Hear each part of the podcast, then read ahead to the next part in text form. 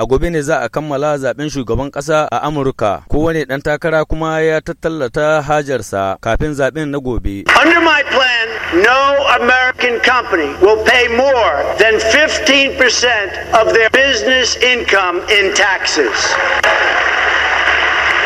In other words, we're reducing your taxes from 35% to 15%.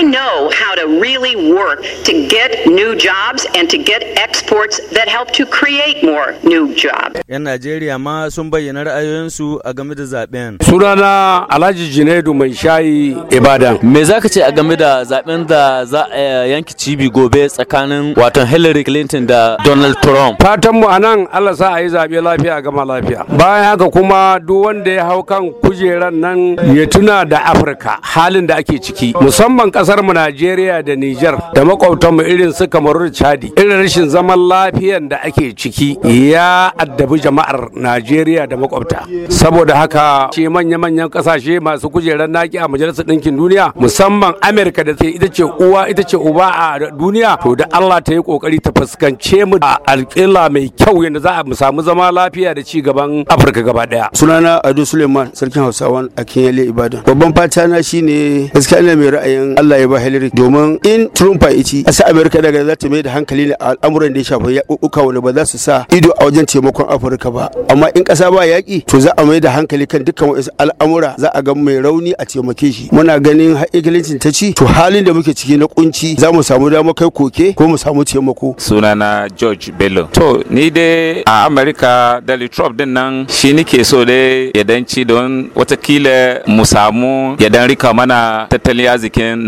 Najeriya. Don komi da komi yanzu ya yi tsada. Gashi kuma ba tsaro ga yunwa ga damuwa ba kuɗi amma na ganin Donald Trump ya shiga wataƙila dukkan mu Afirka zai zan sassauta mana ya taimake mu komi ya yi daji. Inda yana da kuɗi suna na hajiya a da kibanci a kiyala lokar gauna duk wanda ya ci zaɓe a Amurka a bashi. Dan Allah wanda ya ce ya taimaka wa Buhari ya taimaka masa da kuɗi Najeriya ta shiga wani halin. Ya taimaka masa da tsaro domin talaka su samu kwanciyar hankali. Hassan Umar Tambuwal, muryar Amurka daga Ibadan a Najeriya.